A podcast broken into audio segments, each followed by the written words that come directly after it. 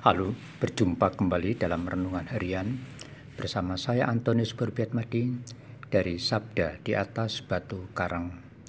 Saudara-saudari yang terkasih, hari ini Rabu tanggal 13 Juli adalah hari biasa pekan ke-15. Hari ini gereja memperingati Santo Henrik II, seorang pengaku iman, dan Santo Eugenius, seorang uskup. Renungan kita hari ini terinspirasi dari bacaan kitab suci. Bacaan pertama diambil dari kitab Yesaya pasal 10 ayat 5 sampai dengan 7, dilanjutkan ayat 13 sampai dengan 16. Dan bacaan Injil suci dari Injil Matius pasal 11 ayat 25 sampai dengan 27.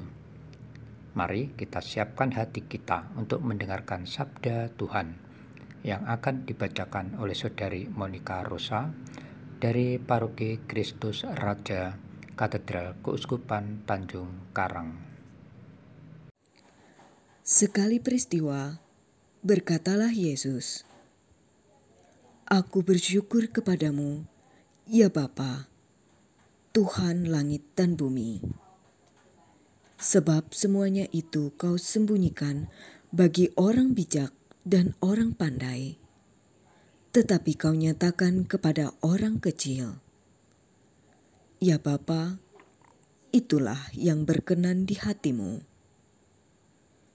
Semua telah diserahkan oleh Bapakku kepadaku, dan tidak seorang pun mengenal anak selain Bapa, dan tidak seorang pun mengenal Bapa selain anak serta orang-orang yang kepadanya anak berkenan menyatakannya.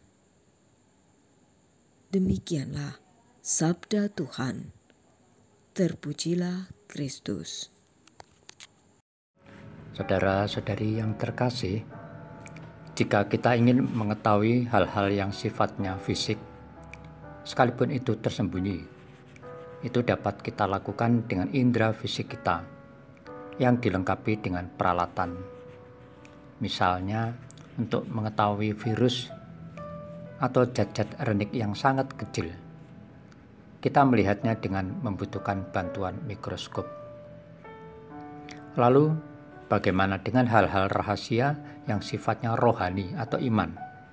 Seperti bagaimana kita ingin tahu wajah Allah? Adakah indera mata atau alat peneropong yang bisa membantunya?